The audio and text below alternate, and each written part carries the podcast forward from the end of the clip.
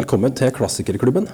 Nå er det sesongåpning, men det er også eh, premiere for en ny podkastkanal hvor vi skal konsentrere oss om klassikerne, som navnet for så vidt indikerer. Som vanlig så har jeg med meg Miriam Christensen. Hei. Og en uh, gjenvendende gjest i studioet vårt med Frida Forskeren. Tusen takk. Uh, I dag så blir det jo da Frida om Frida, egentlig. Ja. Uh, Frida har vært hos oss i Klassikerklubben flere ganger. Flere ganger enn noen andre, egentlig? Ja, hun er vår mest brukte foredragsholder. Fordi eh, vi, vi, snakker jo veldig ofte om eh, litterære klassikere, altså romaner og, og sånt. Eh, men så har vi hvert semester så har vi en kunstner som vi setter fokus på. Og da har vi egentlig brukt å Eh, lese mm, skjønnlitterære forfattere som skriver om kunstnere. For det har det etter hvert eh, altså Det er mange som har gjort det. Og det er en sånn tilbakevendende sjanger. da. Det, det kommer stadig nye bøker i den sjangeren. Eh, forfattere som skriver enten litt sånn essayistisk eller en roman f.eks. basert på biografien mm. til en kjent kunstner. Så Tidligere har vi snakka om Paula Modersson Becker, som Marie Darisek har skrevet om, og Charlotte Salomon. Som David Fuenkinos har skrevet en biografisk roman om. Og i dag har vi lest eh, den kroatiske forfatteren Slavenka Drakulic, som har skrevet en roman om Frida Kahlo. Eh, 'Frida et selvmordsanatomi', som kom ut i 2007. Mm. Så det er derfor det er Frida om Frida i dag. Frida er jo kunsthistoriker, så hun kan snakke om eh, kunstneren. Mm. Og akkurat det kunne jeg tenke meg å høre litt mer om. Altså. Frida, hvem var, hvem var Frida? Frida? Frida var jo, Frida Kahlo var en meksikansk maler som levde på begynnelsen av 1900-tallet. Altså ble født i 1907 og døde i 1950. 1984. Um, men selv så sa hun at hun var født i 1910. Eh, allerede her, så merker vi at vi har en litt sånn spesiell med å gjøre med en litt sånn spesiell uh, dame. ikke sant? For hun, hun, hevdet at hun egentlig var født under den meksikanske revolusjon og en revolusjonær kvinne. da. Mm. Men egentlig født i 1907. Mm. Hun er jo en av de mest kjente kunstnerne. Altså, jeg er jo ikke nødvendigvis veldig bevandra i kunsten, men hun er jo et veldig sånn ikonisk ja. Altså Alle har jo sett ansiktet hennes på, ja. gjengitt med alle de selvportrettene. Alle, veldig sånn karakteristisk utseende, men kunsten er jo ganske sånn veldig, veldig karakteristisk. Den er jo det. Den er jo liksom veldig sterk. Altså jeg husker mitt uh, første møte med Frida Kahlo. Jeg måtte liksom tenke når det var. Og det var jo på 90-tallet. Da studerte jeg kunsthistorie i Tromsø. Og så hadde jeg fått en kalender av kjæresten min uh, med motiv fra uh, Frida Kahlos verk, da, eller liv.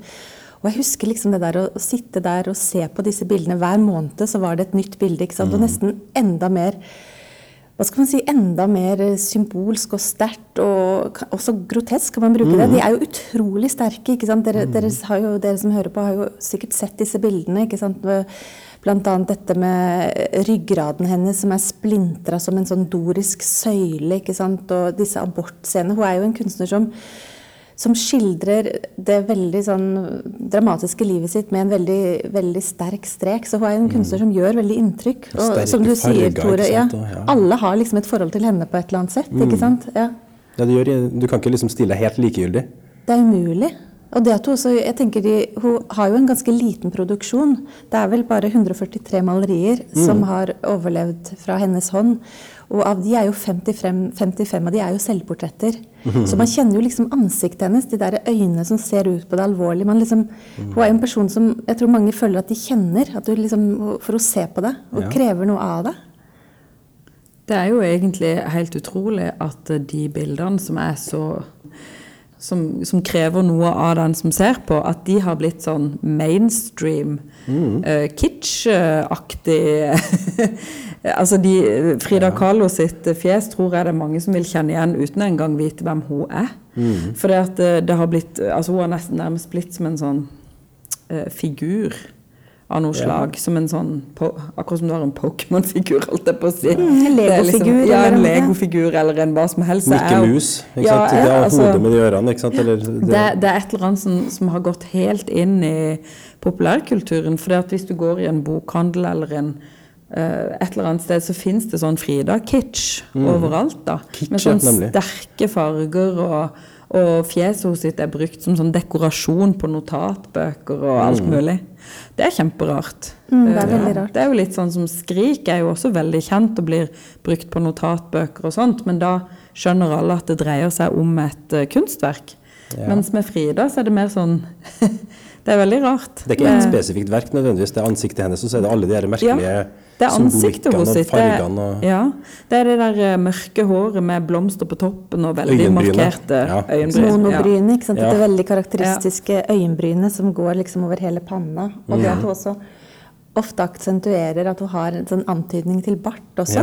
Hun er jo veldig spesiell. det at Hun, hun er jo veldig feminin, men samtidig har disse mm. maskuline trekkene. Sånn veldig hun er jo utrolig vakker, men utrolig utradisjonelt vakker, ja, tenker sant? jeg. Hun var jo eh, halvt tysk og halvt meksikansk. Ikke at det er forklaring på noe som helst, men med utseende eller sånn. Men hun, hun kom jo fra en eh, borgerskapsfamilie da faren var fotograf. Eh, og mora tror jeg bare var hjemmeværende sånn som man var i borgerskapet på den tiden. Mm. Så alle disse her eh, meksikanske folkedraktene hun har på seg med blomster i håret altså, Da hun var liten, så var hun vel mer en sånn guttejente som likte å kle seg i eh, det er jo et bilde av familien hvor hun står i dress og slips, mm. liksom. Mm. Og er kledd, ut som en, eller kledd seg som en gutt. Mm. Var ikke det også litt sånn 1920-tallet, på en måte? At da var det litt jo, litt sånn overflytende kjønnsbekledning? Ja, jeg tror ikke det hadde så mye, jeg tror ikke det hadde så mye med sånn lek med kjønn å gjøre nødvendigvis, men, men de hadde ingen sønner. Mm. Så da kunne hun være den sønnen, for hun ja, var liksom litt sånn futt og fart og moro. Og da kledde hun seg ut som uh, kledde seg ut liksom som gutt. Mm. på familiebildet. Var det, jo, det var jo mange kvinner i borgerskapet som også eksperimenterte med det. Ikke sant? At de gikk med bukser istedenfor skjørt. Altså de tok til seg en sånn litt sånn mer sporty mote ikke sant? og mm. klipte håret kort. Og hun ser ut som hun var en av de. Ja, ja for det, de hun har også... Hva det heter The flappers. altså de der som på en måte, det er liksom veldig sånn mer ja. sånn ja, avantgarde kvinner da, som mm. eksperimenterte litt med kvinnerollen. Mm. Og så er det jo ganske interessant at hun da, når hun gifter seg med han Diego Rivera, den kjente meksikanske muralisten, så går hun jo mer inn i en mer sånn tradisjonell rolle, hvor hun kler seg mer ut som en eller kler seg da, kan man si, som en, en meksikansk bondekone fra Sør-Mexico med disse kjolene og dette fantastiske hårprydet. ikke sant? Mm. Så det er jo veldig store kontraster i, i livet hennes. Mm. Altså Det som kjennetegner Eller det som folk som har lest litt om Frida Kahlo, kjenner henne igjen for det er jo denne her veldig eh, tette koblinga mellom livet og kunsten. Mm. For de bildene hadde jo ikke eksistert uten den livshistorien hun mm. har. Eh, og hun ble, uh, fikk polio som ganske liten. Uh, sånn at det ene beinet hos sitt var sånn vissent, liksom. Mm. eller det var litt ubrukelig. Hun dro litt på det. Hun ble kalt for haltepinken når hun var liten. Um, og det var kanskje også en grunn til at hun kledde seg som gutt da, på det familiebildet. Altså, hun var annerledes, da. Mm. Så er det Blant... den ulykken også, da, som uh, ja. har prega liksom hele Ja, så kommer det etterpå. ikke sant? Det er ikke bare det at hun har, var i den trafikkulykka, men hun hadde allerede polio og hadde et ja. dårlig bein. Og så blir hun da eh, sittende på en buss som blir kjørt inn i, og hele kroppen hennes blir splintra. Mm. Og hun får en sånn metallstang som eh, Hun fikk en metallstang som man sto og holdt seg i inne på bussen, fikk hun inn gjennom Bekkene, magen eller bekken, og så kom den ut mellom beina. Så hun ble jo helt ødelagt mm. uh, innvendig, da. Eller hun kunne iallfall ikke få barn da etter den mm. ulykka. Mm. Og lå vel til sengs i ja, måneder og måneder og måneder i et sånn jernkorsett, bundet mm. til sengen. og og gikk jo glipp av hele ungdomstiden sin. Det er jo utrolig dramatisk. 18 mm. år gammel. ikke sant? Og fra å ha vært en sånn, på tross av den polioen, da, men liksom veldig aktiv og energisk og artig type, liksom, til å bare ja, ligge der som mm. død, liksom, og bare kunne bevege øynene. Det er jo mm. utrolig sterkt. Sykeseng og rullestol og sykehus og operasjoner. Ja. Et annet liv, liksom. Ja, det er utrolig sterkt. Men da begynte du jo for alvor å male? Jeg vet ikke ja. som jeg skjønte? Ifølge historien så, så, er det jo tydelig at hun har jo Pga. faren som er fotograf, så har jo på en måte har den ja, den, kanskje den estetiske dimensjonen er jo til stede i livet hennes. Men det er jo i løpet av dette første sykeleiet at hun får farge, mm. fargestifter og maling og lerret fra mammaen. Og, og, også et sånn lite staffeli som kan stå ved senga. Og også et speil. har Jeg skjønt, jeg har sett bilder fra huset hennes. At hun hadde et speilet, lange speilet som hang i himlingen over senga hennes. Og kunne ligge og se på ansiktet sitt. Og, og male disse selvportrettene og studere seg selv og disse, skape mm. disse refleksjonene av, av, hvordan hun har det. da. Så det, det, virker jo som malingen kommer til henne som en sånn type ja, terapi, eller som en type ja, Nå kan jo ikke gjøre noe annet, men, kan liksom henne, kan, noe, ja, men hun kan fortelle hvordan hun har det. Og mm. sier jo dette liksom hun knyttes jo veldig ofte til ikke sant, eller det er vel André Breton, han uh, surrealisten. ikke sant, Når han ser Frida Kahlos arbeider, så sier han at hun er en sann surrealist. Han blir veldig opptatt mm. av henne. Men hun sier jo at hun tar jo veldig avstand, avstand, fra dette og sier jo selv at hun ikke er en surrealist. For hun maler jo ikke drømmer, hun maler jo virkeligheten. Hun maler jo seg selv. Hun maler jo faktisk virkeligheten, ikke, ikke mm. denne drømmeverden som surrealistene gjør. da. Det er jo litt ja. interessant. Det er jo veldig interessant, for jeg også ser jo, når jeg ser en del av bildene hennes, kanskje spesielt ikke selvportrettene, nødvendigvis, men så er det jo utrolig surrealistisk. Det er jo symboltungt og veldig sånn pussige så figurer som gjentar seg litt sånn Dali-aktige landskaper, nesten. Jeg ville jo tenkt på hun som surrealist. Det er litt interessant at du sjøl ikke gjorde det, mm. syns jeg. Jeg tror kanskje det har å gjøre med at surrealistene malte på en måte sånne indre drømmelandskap. Mm. Mens uh, Frida maler faktiske hendelser. Det er bare istedenfor å f.eks. skrive en biografi om seg sjøl, så maler hun alt ut i, et, ett bilde. Hun maler f.eks. Uh, sykeseng, hun maler mm. abortene sine, hun maler uh, korsettet ja. sitt. Hun maler liksom ting som hendte med henne. Så det er ikke den der underbevisstheten, det er ikke drømmen. Som jo var det som sto i fokus hos uh, surrealistene, var jo at du skulle liksom frigjøre den der underbevisste strømmen. Men for Frida så er det rett og slett hendelser fra livet hos sitt uh, som er i bildene. Mm, det er liksom det knuste hjertet. Det er det å male, liksom. Mm. Ja. Men sånn i ettertid så Jeg tenker jo også at det er riktig den her plasseringa henne i i surrealismen. Jeg har liksom tenkt litt på det. Det er jo da hun på en måte gjenoppdages eller gjeninnføres, eller hva skal jeg si, opptrer i kunsthistorien, er jo når Whitney Chadwick og eh, disse feministiske kunsthistorikerne på 80-tallet tar tak i den glemte kanoen, kan man si, da, og begynner å, å forske på, på, kvinnene. Og da, da, da, det er jo da Frida Kahlo liksom for alvor dukker opp i kunsthistorien. Og jeg tenker jo mange av disse, mange av disse, skal si, disse drømmeaktige bildene, denne måten å ta tak i dette totemdyret på symboldyret. Ta tak i drøm, ta tak i disse sterke bildene, ta tak i selvportrettet, eh, kroppen osv. er jo trekk som Frida Kahlo har til felles med de andre kvinnelige surrealistene, som Leonora Carrington, som vi har snakka om her før. Eller, jeg satt akkurat og tenkte på ja, sant? Mm. Det, er, det, er, noe ganske likt også. tenker jeg også den herre eh, Leonora Carrington bruker jo også disse, både disse dyrene som mm. symboler. Og også den der veldig sånn realistiske, hyperrealistiske streken. Ja. Eh, Men som objekter som nesten ikke ser ut som de hører til i det plasseringen de er satt. Også. Det, liksom, ja. det ser ut som de er klippet ut og bare ja, liksom pussig Leo, Leonora Carrington endte jo holdt jeg på å si, også opp i Mexico. Ikke sant? Mm. Så det er jo kanskje også noe med vårt sånn nordeuropeiske blikk på det, at vi tenker at det er veldig sånn surrealistisk å male apekatter på, som sitter på skuldrene. Men jo, jo. det kan jo hende er en naturlig del av floraen eh, akkurat der de befant seg, da. Um, alle de der sterke fargene og blomstene mm, og, mm. og, disse her um, ja, bladverk og, som er på det bildet med de uh, apekattene, f.eks. Eller uh, også andre malerier med, med, farger og papegøyer og sånt. Mm, mm. Altså, for oss så ser jo det veldig Det tilhører ikke vår fauna, da. Mm. Men, men hun maler seg jo bare inn i, liksom, tenker jeg, da, i sitt Sin virkelighet, ikke ja. sant? Eller sin, mm. ja, sin det ser vi også sånn når man ser bilder fra huset hennes. Den er veldig sterke blåfargen og alle disse krukkene. Altså, de hadde jo en stor samling av sånn prekolumbianske skulpturer hjemme. Det er jo utrolig sånn, sånn som vi vil se på som eksotisk, men sånn som du sier, Miriam, så var jo det, det var jo hennes virkelighet. Det var den, ja. hun, det var den hun, hun, malte. Mm. Og så er det jo også litt sånn Hun gifter seg da med Diego Rivera, som er den store meksikanske maleren. Han er eh, kommunist. Han maler sånne kjempesvære Hva heter det? Altså, fresker, fresker kaller vi det. Sosial, vi kaller det på en måte det som er fascinerende, I Norge har vi også en sånn stor sånn freskoepoke på 20-, 30- og 40-tallet hvor eh, kunstnere eh, lager sånn store offentlige utsmykninger av livet. Og det hadde man også i Mexico. Ja. Eh, som en type sånn sosialrealistisk Litt sånn offentlig illustrasjon. Ja, offentlig illustrasjon. Liksom. Og Diego Rivera da, han var jo liksom den flinkeste av disse kunstnerne som hadde alle oppdragene. Han var liksom Mexicos maler. Mm. Så hun gifter seg med han, og så har hun denne tyske faren. Så jeg tenker hun har liksom litt sånn Hun har en sånn blanda eh, bakgrunn. Mm.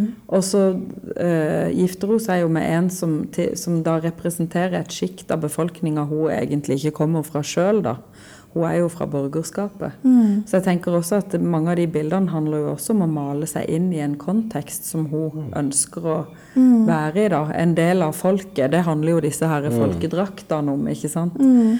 Og å kle seg i de sånn typisk meksikanske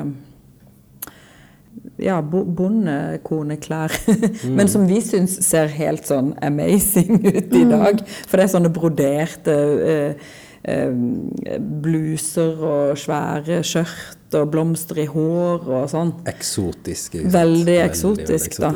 Men også havna jo også på framsida av Var det Vogue, eller var det Harper's Bazaar? Jeg har i alle fall et, en utgave av Harper's Bazaar fra august 2018 med et sånn um, Frida Kahlo-fotografi utapå. Mm. Som jeg har kjøpt på Victorian Albert Museum i London. For der så jeg nemlig Frida Kahlo-utstillingen. Å oh, ja, du så den, du? Ja, ja som, ikke med maleriene, men med alle kjolene og uh, de der pilleboksene og korsettene og Parafernalia fra livet hennes, liksom. Ja, alle tingene liksom fra mm. sitt liv, da.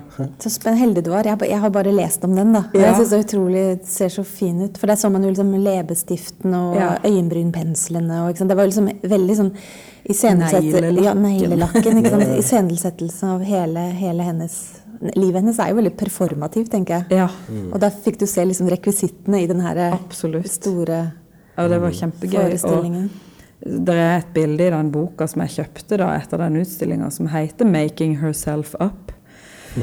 Um, det som funker på flere plan på engelsk, da. Absolutt. ikke sant? Og der er det bilde av de skoene ikke sant, som har såler i forskjellig høyde, fordi at hun hadde ja. jo denne foten som ikke funka. Altså, det er bare veldig mange Ja, alt i livet hennes sitt handla jo på en måte om Altså alt var et kunstverk, på et mm. vis. Og det er jo veldig, jeg, synes, jeg har tenkt mye på det at det er det, det, sier jo noe veldig fint om det der hva det er å være menneske. På en eller annen måte så møter vi jo hele tiden altså Andre ser oss og ser en sånn fasade, men ingen ser jo hvordan vi har det inni oss. Og jeg tenker mm. Frida Kahlo var jo en person som, som jobba veldig mye med den fasaden, siden hun hadde så mye vondt. ikke sant? Jeg tenker at hun levde fra hun var seks år med operasjoner og smerter. Jeg tror Hun hadde jo noe sånn som 32 operasjoner i løpet av hele sitt liv. Hun ble jo mm. like gammel som meg, 47. Men liksom tenk å ha den smerten i livet. Og, og da også prøve å liksom kamuflere den smerten, men la, sant, la, folk da ikke se det visne beinet, det etter hvert amputerte beinet. Det, men, men, la folk se heller denne, denne, ja, denne fasaden, da, disse mm. vakre kjolene, og, og, sminke seg og la liksom hverdagen få lov å være en, en fest. Det er jo en sånn selvoppholdelse i det, mm. som jeg syns er veldig, veldig sterk, egentlig. Og det syns jeg hun skriver godt om, hun Drakulic, akkurat om det derre kroppens plass. Altså kroppen, kroppen kan jo ta helt enorm plass i et menneskes liv. Liksom. Det vet vi jo når vi er syke. Da kjenner vi jo mm. bare kroppen. Ikke sant? Men hvordan, hvordan overdøve kroppen? Liksom? Hvordan da klare å, å ha en, en, god dag? Hvordan klare å ikke kjenne bare på jeg vet, kvalmen eller hosten eller uh, smerten i beina? Og da kan jo dette med å liksom kle seg ut, mm. ta på sminke liksom ja, jeg vet ikke. Jeg, jeg, jeg, nå psykologiserer jeg veldig, men jeg syns det er noe veldig sterkt over det. At hun liksom overvinner den smerten ved å bruke, bruke kunsten og bruke fargene. da. Mm. Jeg syns det er liksom veldig fint ved henne. Som jeg tror også egentlig grunn, grunnen kanskje vi snakker om det, hvorfor er hun blitt så ikonisk. Jeg tror det er det veldig mye ligger her. At hun er et sånt, noe å strekke seg etter. Noen som, mm. Nesten som en sånn Kristusfigur, ikke sant? Som, ja, som, på en måte, som ofrer seg. ja, som nesten ofrer seg og viser at det er, det er liksom du, du, du, kan, du, kan liksom lage en bedre versjon av deg selv, liksom. Hvor smerten glemmes, da. Mm. Men jeg synes du ser det litt i altså Du nevnte jo at faren var fotograf. Han har jo tatt en del portrettbilder av ansiktet hennes. Og du ser jo allerede Og det er jo før hun begynte å male selvportrettene. Men jeg har sett på de bildene så har jeg tenkt Leser jeg ting inn i de bildene som ikke er der? Men jeg syns liksom jeg ser noen som har veldig mye å fortelle. Jeg syns jeg ser en sånn styrke inni der. Som, det er veldig sånn, sånn Det er et eller annet med blikket. Veldig, du virker veldig sterk da, på de bildene. Mm. På samme måte som du kanskje gjør på en del av selvportrettene. Du ser sånn øyne som liksom borer rett inni deg. Og Det er kanskje pga. den der smerta som, som vi snakka om. da. Altså At du har allerede da for så vidt vært gjennom veldig mye. Mm. Det er jo sånn, som du sier, et veldig sånn dypt og alvorlig blikk ja. som liksom tar tak i deg. Ja. Som ser på deg. Og, og, veldig mye av kunsten hennes har jo, som knytter an til sånn meksikansk Eller spansk, da, altså katolisisme, tenker jeg også. Disse eh, ja, Nå er jeg ikke god å uttale, men sånn retables. altså de er sånne um, andagsbilder, sånn votivbilder fra kirker, ikke sant, hvor, hvor det er uh, figuren av helgen eller figuren av mm. Kristus eller Maria. Nesten som, som ikoner? liksom. Ja, sånne ikoner liksom, som mm. ser ut på deg. Og, og, ved å se på de og tro på de, så kan du få kraft. ikke sant? Mm. Ved å ofre til de, så kan du få kraft. Og, så hun, hun, bruker mye av den der religiøse stilen i maleriene sine. Veldig ofte så har du jo gjerne sånne blafrende sånne inskripsjoner nede, hvor det kommer med små budskap. ikke sant? Og da kombinert med det derre mm det, det der blikket, som holder deg fast, så blir det veldig sterkt. Altså. Ja, det, er noe, sånn, det, det, det er noe religiøst over det. Ja, og det, er ikonet, liksom. Ja. Det er ikonisk på mer enn én en måte. Liksom. Ja, og det, er jo nesten noe litt sånn helgenaktig over mm. hele, hele, historien hennes. Jeg leste, jeg leste at hun, når hun var død, altså lå på båren og skulle kremeres, så skjedde det et slags mirakel. Fordi det kom et sånn vindpust fra kremasjonsovnen som tok tak i kroppen hennes, sånn at hun, hele overkroppen liksom for opp. Så det Nei. så ut som hun sto opp fra de døde. Ja, ja. Og, og folk ble helt sånn Hun kommer tilbake! ikke sant? Mm. Og det tror jeg, altså jeg tenker at liksom I den meksikanske kulturen her så har hun en sånn hun har fått en liksom sånn ikonisk karakter, for hun, hun var så sterk. og hun på en måte liksom, Nesten sånn i døden også, så var det noe sånn magisk over henne. da. Hun må da være sterkere enn selv døden? ikke sant? Ja, ja, det er jo sånn, det er noe veldig Jeg kjenner det fra katolsk eh, Jeg har studert katolisismen veldig inngående. Det, det, er noe sånn katolsk over den derre den, denne, denne, kroppen som jo bare er liksom et symbol. ikke sant? Symbol på styrke, ikke sant? Altså, hun um levde jo på tross av døden kanskje nesten hele sitt liv etter den ulykka. For den kroppen holder jo på å gå i stykker hele tida. Eh, og på en måte eh, svikter hun da, ikke sant. Og så er det denne uutholdelige smerten. Og det er det jeg tenker hun eh, Slavenka Drakulic, eh, den romanen vi har lest, den handler jo egentlig nesten bare om kroppen til Frida Kahlo. altså Den er veldig eh, opptatt av Fridas kropp og å leve med ekstrem smerte. Hvordan gjør du det? Og hvordan kan du liksom være et menneske? Et, holdt jeg på å si, et uh, elskende menneske, eller en Hvordan kan du være datter og søster og kone og eh, Altså all sorgen, da, som også legger seg Altså alt ligger i sånne lag av smerte og sorg og Eh, og mm. død, da, i ja. dette livet. Og så maler hun allikevel disse her ekstremt sånn ekspressive bildene med sterke farger, mm. som vi jo på en måte forbinder med liv, da. Og fantasi og overflod, ikke sant. Men der um, der, der, ligger det mye um, smerte bak. Mm. Det er jo det vi ser i blikket hos henne. Selv om fargene i bildene er lystige, liksom, så ser du det der mørke blikket. Mm. Men hør, eh, hun Hør på meg. Ja. Sånn. Se dette. Dette er det som er mm. bak den mm. uh, fasaden, da. Uh, med dette oppsatte håret og perler, øredobber og smykker og fine broderier. Mm.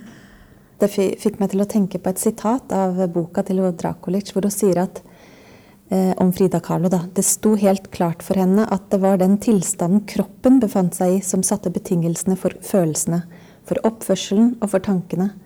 Og det faktum at denne kroppen var hennes, det hadde ikke lenger samme betydning som før ulykka. Her sier hun liksom om at, er, at, at det der å være i denne kroppen etter ulykka endrer alt. altså alt. Som jeg syns var veldig sånn sterkt, og som kommer veldig godt fram i den boka. da, Dette med det indre og det ytre, med kroppen og og livet vi skal leve på tross av den kroppen. da. Det er noe med betingelsene for livet ditt. ikke sant? At Frida Kahlos betingelser for livet ble totalt smadra ikke sant? Mm, mm. i en alder av Hvor gammel var hun? Hun var 18, hun var 18 ikke sant? Ja. på den ulykka. Og da eh, har du liksom akkurat begynt på ditt eh, voksne liv, da, mm. på ditt egentlige liv. Hun hadde jo en kjæreste som var sammen med henne om bord på den bussen han, ble, han, var helt uskada etter den eh, ulykka, mens liksom folk lå i sånne blodpøler og sånn. Mm. Og etterpå så prøvde hun liksom å få han til å altså Hun skjønte jo på en måte at han kommer til å forsvinne ut av livet mitt nå. For mm. nå bare ligger jeg her. Og hun har jo vært en som har løpt rundt og hatt det gøy mm. sammen med han og andre skolekamerater, og plutselig så er hun bare sengeliggende. Og så skjønner hun at hun ikke kan holde på han. Og da, eh, det er jo da hun maler et av disse første, eller kanskje det aller første selvportrettet sitt, og gir til han i gave for at han skal liksom Huske meg, liksom. Huske meg, eller se hvor fin jeg er, eller prøve å sjarmere han igjen, mm. uh, holde på han. Mm. Så, og det, det, er vel da Det er ganske ungt og når det mm. går opp for å, å være 18, og så er betingelsene for livet ditt totalt forandra. Men hun hadde jo den der polioen da, som en første erfaring, og så kommer det bare mer. Mm, liksom. det, er veldig, det er dramatisk. Det er så dramatisk. Og så er det jo ikke bare det. Hun klarer jo også å gifte seg med en sånn super uh, berømt Mannssjåvinist. ja, total sånn Don Juan, ikke sant, som har ligget med halve Mexico før han gifter seg med henne. Og hun er bare sånn 19, og han er 22 år eldre. Og det fortsetter han jo helt uhemma med mens de er gift. Så hun har så mange sorger da, ja, i livet hele tida. Så når hun da øh, på en måte Ok, hun har den kroppen, det er smerten og alt det, men hun gifter seg, og hun har denne mannen. Han bedrar henne til og med med hos sin egen søster, ikke sant. Så det er sånn Alt. Det er så Skulle nesten tro at det gikk an å både skrive bøker og lage filmer om det her. ja, ikke sant. Mm. Det er jo noe av det selvfølgelig som gjør at det bare Det kommer jo nye eh, altså nye folk som, som, skal fortelle den historien om Frida hele tida. Fordi den er så, det er jo så saftig. Det er så veldig mye å ta. Mye død og ulykke og så mye estetisk vakre ting. Mm. Sammen med det. Det gjør det veldig sånn fascinerende. Bare sånn, Apropos han eh, Diego Rivera. Så det, det kan godt hende det er et veldig kjent sitat, men det, forholdet mellom dem to er beskrevet som det mellom en elefant og en due. Ja. ja. Synes, altså, han var dobbelt så gammel og dobbelt så stor. Ja. og hun den lille vevre, tynne streken med mm. helseproblemer, han er digre, brøtende ja, og likevel så, så og Da tenker du liksom kraften som er i kjærligheten, da, på et eller annet ja, vis. For at når du ser det, så tenker de hvorfor i all verden var hun mm. sammen med denne store, tykke, utro mannen? Og så likevel så er det jo Hun beskriver det jo som at hun hadde to store liksom, hendelser i livet. Det var jo den ulykka med den trikken, og så var det at hun møtte Diego. Det var de mm. to som liksom, det var de hendelsene. For hun, kunne jo, hun ville jo bare være hos han. Uh, og de gifte seg jo to ganger. De gifta seg, skilte seg, og så gifta seg nytt. Skilte seg, og så tilbake. Så hun gikk jo tilbake til Diego. Hun kunne liksom ikke leve uten han. Mm. Og det var vel da hun i det andre ekteskapet hvor de gikk i sølibat hvor de, de, hadde, Jeg tror det var liksom en av betingelsene at de skulle ikke liksom ligge sammen lenger, men de skulle liksom til hverandre og leve sammen. Det, men det sier jo noe om liksom, Han var jo hennes mann, mm. liksom. Han var jo mm. mannen i hennes liv. Denne elefanten. og det, det syns jeg også er noe, eh, på en eller annen måte noe litt vakkert ved det også. på en eller annen mm. måte at hun, Det var de to på en eller annen måte allikevel, som det er umulig for andre kanskje å forstå. da. Mm. Det var vel kanskje fordi han så henne. For det, da hun begynte å male, så øh, gikk det jo Det var jo også dårlig økonomi i familien pga. Frida. Fordi det kosta veldig mye å ha et øh, barn eller en datter som trengte så mye helsehjelp, rett og slett. Jeg vet ikke så mye om sykehusvesenet på den tida, hmm. og slettes ikke i Mexico, men jeg kan jo se for meg at det var høye utgifter til leger og sykepleiere og medisiner og liksom hele tida, da. Utstyr, rullestol, liksom, ja. kjøpe et staffeli som kan passe til sengen. Ja, så hun sånn. begynte jo å tenke på kan jeg selge bildene mine, kan jeg tjene inn penger til familien min, for det, nå går det dårlig med oss. Og det var jo da, når hun gifta seg med Diego det, Hun gikk jo til han for å vise han bildene. For kan, kan du liksom uttale det? Kan jeg male? så det var han som på en måte bekrefta henne da først, som uh, at hun kunne male. Uh, og når hun gifta seg med han, så gifta seg hun også til økonomisk sikkerhet. Mm. Og han forsørga jo også familien hos sin, ikke bare hun. Mm. Så det er, sånn, det, er det er, en interessant forbindelse mellom de mm. to, som har veldig mange Veldig mange lag. Veldig mange lag, ja, sant? Den har jo det. Ja.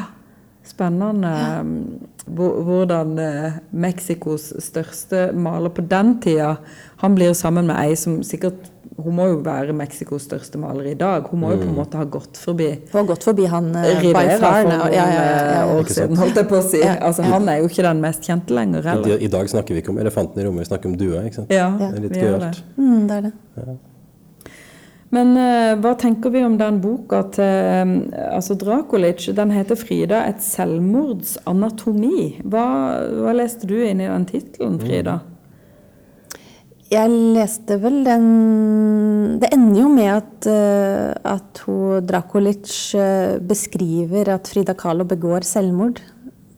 Så jeg tenker vel den, Hele boka handler jo om liksom det som driver henne mot denne siste, siste desperate handlingen. Da. Ja. Uh, og så syns jeg den er jeg merker at når jeg leste den, så ble jeg liksom litt så sliten. Jeg måtte liksom sånn, jeg, måtte sånn, jeg kunne lese sånn syv-ti sider, og så bare, uh, måtte jeg puste litt. For den er veldig, den er veldig intenst, fordi den har det derre den skildrer liksom i en ganske sånn heseblesende stil liksom alle de kroppslige plagene, alle de liksom eh, kroppslige, hva skal man si, følelsesmessige anfektelsene. og den, den, er veldig intens, liksom.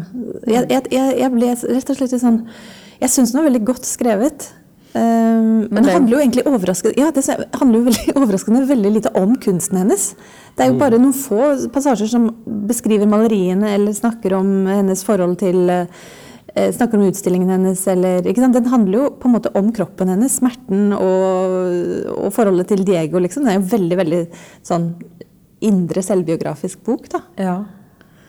Men er det liksom allment kjent at Frida Kahlo begikk selvmord? Altså, jeg visste ikke at uh, hun gjorde det. Jeg hadde hørt kun at hun døde. Av, uh, altså, hun var svekka av ble mer og mer syk mot slutten av livet? Jeg har, jeg har heller aldri hørt at hun begikk selvmord. Jeg har bare ja. hørt at hun ble veldig knekt etter den, når hun måtte amputere beinet. Og at de siste ti årene, var det vel, så var mm. hun øh, syk.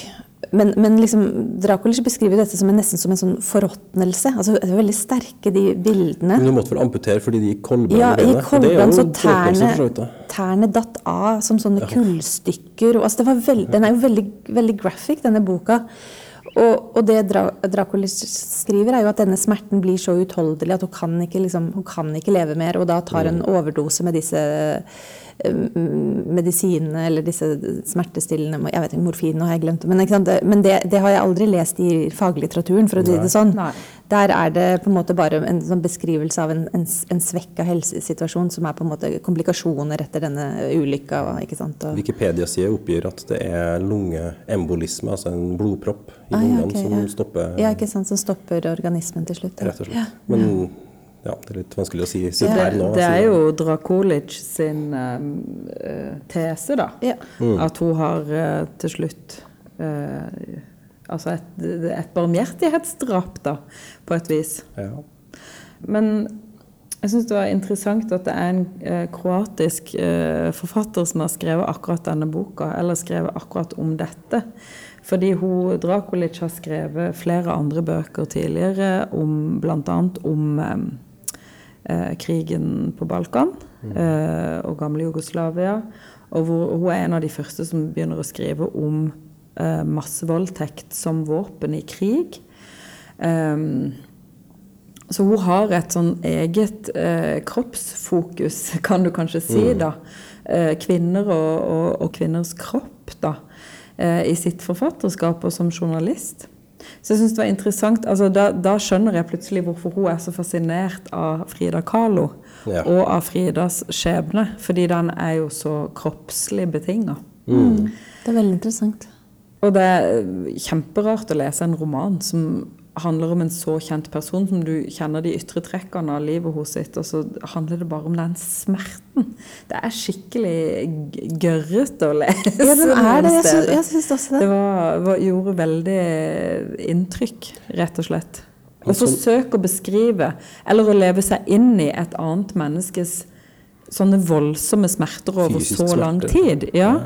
Det, er, det, er, ikke så lett å skrive om det, liksom. Jeg vil tro det er veldig vanskelig. Og det mm. bryter jo veldig med jeg tenker på det, I kunsthistorisk forskning så skal man i hvert fall ikke gjøre det. Man skal jo ikke liksom skrive så mye om livet og følelsene. Sånn, jeg tenker Dette, dette er jo virkelig noe som, hvor skjønnlitteraturen kan, mm. kan, gi et sånn tilskudd til virkelig å forstå det sånn, med sånn fenomenologiske, sanselige liksom, i, ved liksom, kunsten. Da. Så jeg, jeg syns uh, jeg vet ikke, jeg drev og tenkte på det, for at på en måte Frida Kahlos verk kunne jo på en måte ikke eksistert uten Frida Kahlos liv. De er jo så tett forbundet, så man kan på en måte ikke ta det der poststrukturalistiske grepet liksom at kunstnerens liv ikke eksisterer. Det, det, det ville på en måte ikke blitt noe altså jeg tenker det, Dette er så sammenvevd, da. Jeg det er ikke skapt, det er jo skapt uten den kroppen? Nei, kroppen er betingelsene her. Ja, det er, altså, er jo ikke noe sånn ideologi her, eller noe idébasert, eller noe sånn ytre tematikk. Alt er bare sånn rent liv. Mm. Dette er mitt liv på lerretet. Mm. Mm. Uh, og det,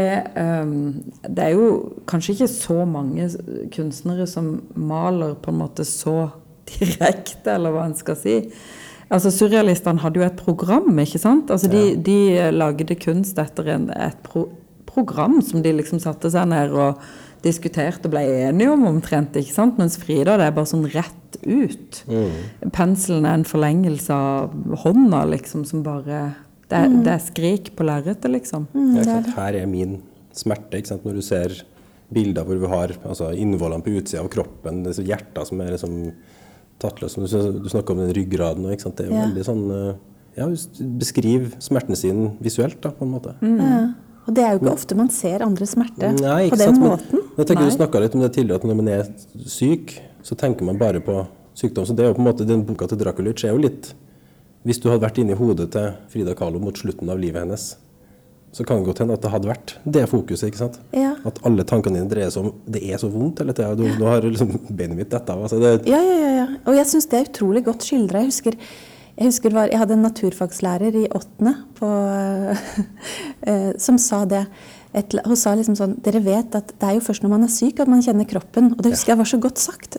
Og, og, ja. og, da tenker jeg, altså, jeg tenkte på det når jeg leste den boka her. Liksom, her er det en person som bare kjenner kroppen hele tiden. Mm. Og det er bare de små hvileskjærene når medisinen virker, eller når jeg vet ikke, Når kanskje du er ja, blitt bitte litt reparert, så kan du liksom puste ut og sånn. Ellers er det bare smerte, smerte, smerte. Mm. Og likevel da å klare, jeg vet ikke, å klare livet, da. Å tåle livet, å bære livet og, og, og uttrykke seg sånn. Det er veldig sterkt, da. Jeg synes mm. det, er, det er jo det er vel derfor det, det, som jeg sa i sted, det er vel derfor dette kunstnerskapet er så fascinerende. fordi det er også så livsbejaende, kan man si. Det er jo et ganske ja. arkaisk ord, men det er jo også ja. veldig livsforsterkende. Livslyst, livsbejaende. Livslyst, ja. ja. ja. det er jo nettopp det, for hun klamrer seg jo til livet nettopp gjennom å male det ut, sin smerte. ikke sant? For da frigjør du jo også noe av den smerten innenifra og ut. Mm, det blir en sånn kraft i det òg, da. Ja. Um, jeg tenkte egentlig bare sånn Uansett hvor du slår opp i den eh, romanen til Drakulic, så, så, står det et eller annet siterbart om kropp og smerte. Så nå bare så jeg på side midt i her at det, hun skriver langvarig sykdom. Det handlet faktisk om en rekke sykdommer som avløste hverandre. Det førte til en nesten uavbrutt tilstand hvor det gjaldt å holde ut smertene.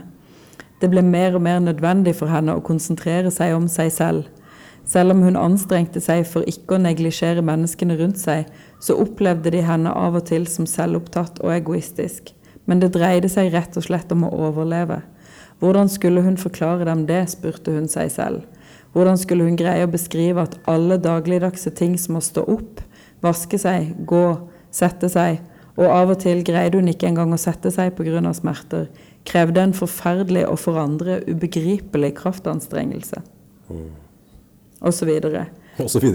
Så. Denne her boka handler rett og slett bare altså Det er en meditasjon uh, rundt smerte. Og så er den også skrevet på en uh, litt uh, snodig måte, denne romanen. da, fordi hun veksler mellom et tredjepersonsperspektiv og et førstepersonsperspektiv. Hun sier 'jeg', og så sier hun 'hun'. Mm. Og så er hun også innimellom Drakulic, som beskriver Frida Kahlos malerier. Det er en ganske interessant mm. oppbygd roman, da. Som, som fører deg inn bak eh, biografien da, til Frida Kahlo. Hmm. Det minner egentlig om sånn eh, altså, dokumentarfilm, moderne dokumentarfilmskapere som tar med seg selv, altså som skal lage om et emne, og så filmer de seg sjøl som drar og oppsøker de stedene for å oppleve det som ja. Altså, så de, de, tar på en måte med sin egen, sine egne opplevelser inn i Det er veldig sånn ja, har, sjangermiks, da, egentlig. Ja, altså du har, ja, det er ikke så sjangermiks, kanskje. Det, det så vi vel mer i den uh, Susanne Christensens uh, 'Leonoras reise' ja. er jo veldig sjangermiks. Ja. Her er det mer det der at hun er Frida, og så ser hun Frida utenfra.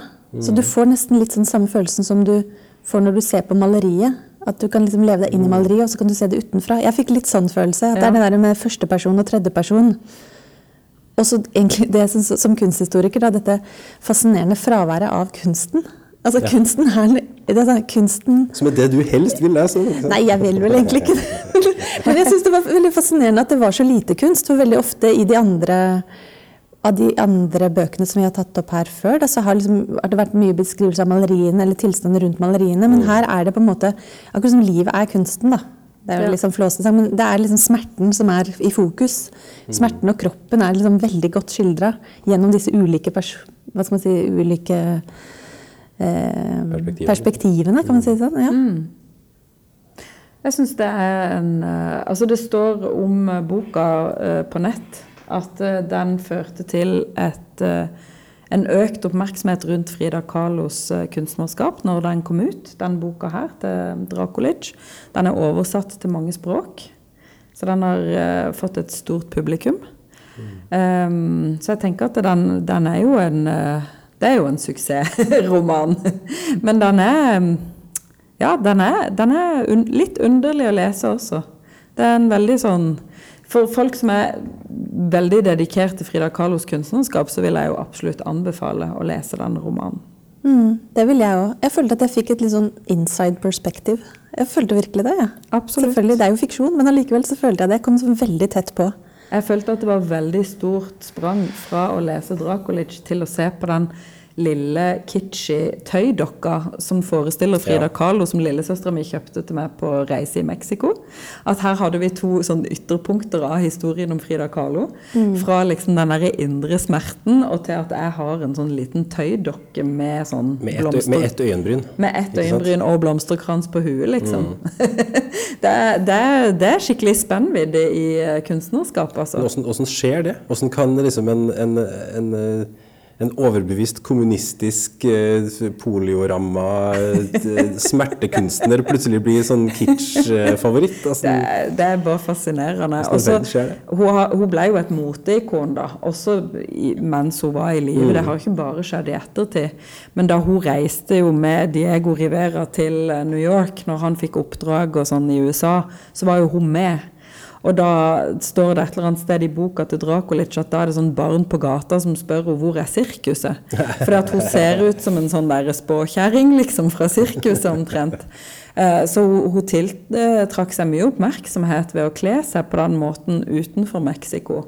Og ble jo et moteikon i sin tid med disse fotografiene i motemagasin mm. og Altså det, en, det har jo vært en sånn motegreie også, ikke sant, å kle seg på denne måten. Mm. Så ja, hva skal vi si, Frida? Hva er konklusjonen om uh, Frida Kahlo?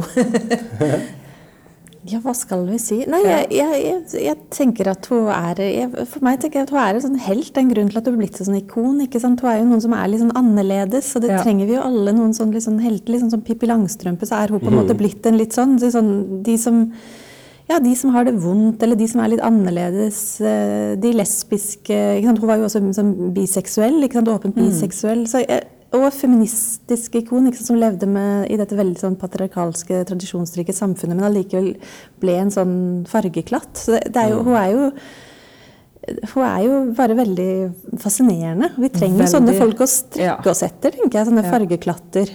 Veldig sammensatt og veldig bredt spekter av erfaringer og følelser og livsbetingelser. Mm. Og rett og slett litt sånn utømmelig, kanskje. Ja, og det tror jeg er sånn fascinerende. Selv om du ikke kjenner kunstnerskapet, så tenker du wow, hva er dette, liksom? Ja. Kan man gjøre sånn? Ikke sant? Ja. Det, er noe, det har sånn kjempeblikkfang. Jeg syns det er fascinerende at fremdeles i dag, 2021, så er det litt sånn sjokkerende å se henne. Ja. Hvis du bare googler og ser på bilder av henne. Altså, hun ser helt fantastisk og amazing ut. veldig karakteristisk og veldig sånn ja, unik, da. Mm. Mm. Hva er ja. det. Det er sånn girl power. Ja. Et klart eksempel på at det er utrolig mye motgang man kan ha og likevel lykkes. da. Ja, og hun fulgte da sin indre, indre vei totalt, eh, kan mm. man vel da si. Mm. Ved å ikke bare forsvinne i smerten, men å rett og slett trosse den med alt livskraft hun hadde igjen, og lagde disse fantastiske Hun kunne jo bare valgt å bli ufør og ligge der i senga og Ta medisiner. Liksom. Ta medisiner men hun og bli vorta opp. Ja, men ikke sant. Istedenfor så gjorde altså, Hun lagde seg et, et liv, da. Mm. Lagde seg gode dager, lagde seg et liv. Og overtaler vel oss til å tro på at det ble et godt liv gjennom de bildene. Selv om det sikkert ikke bare var det. Mm. Skal vi la det bli siste ord? Det, det kan vi. ja. da må jeg si takk for at dere kom i studio. Takk, takk.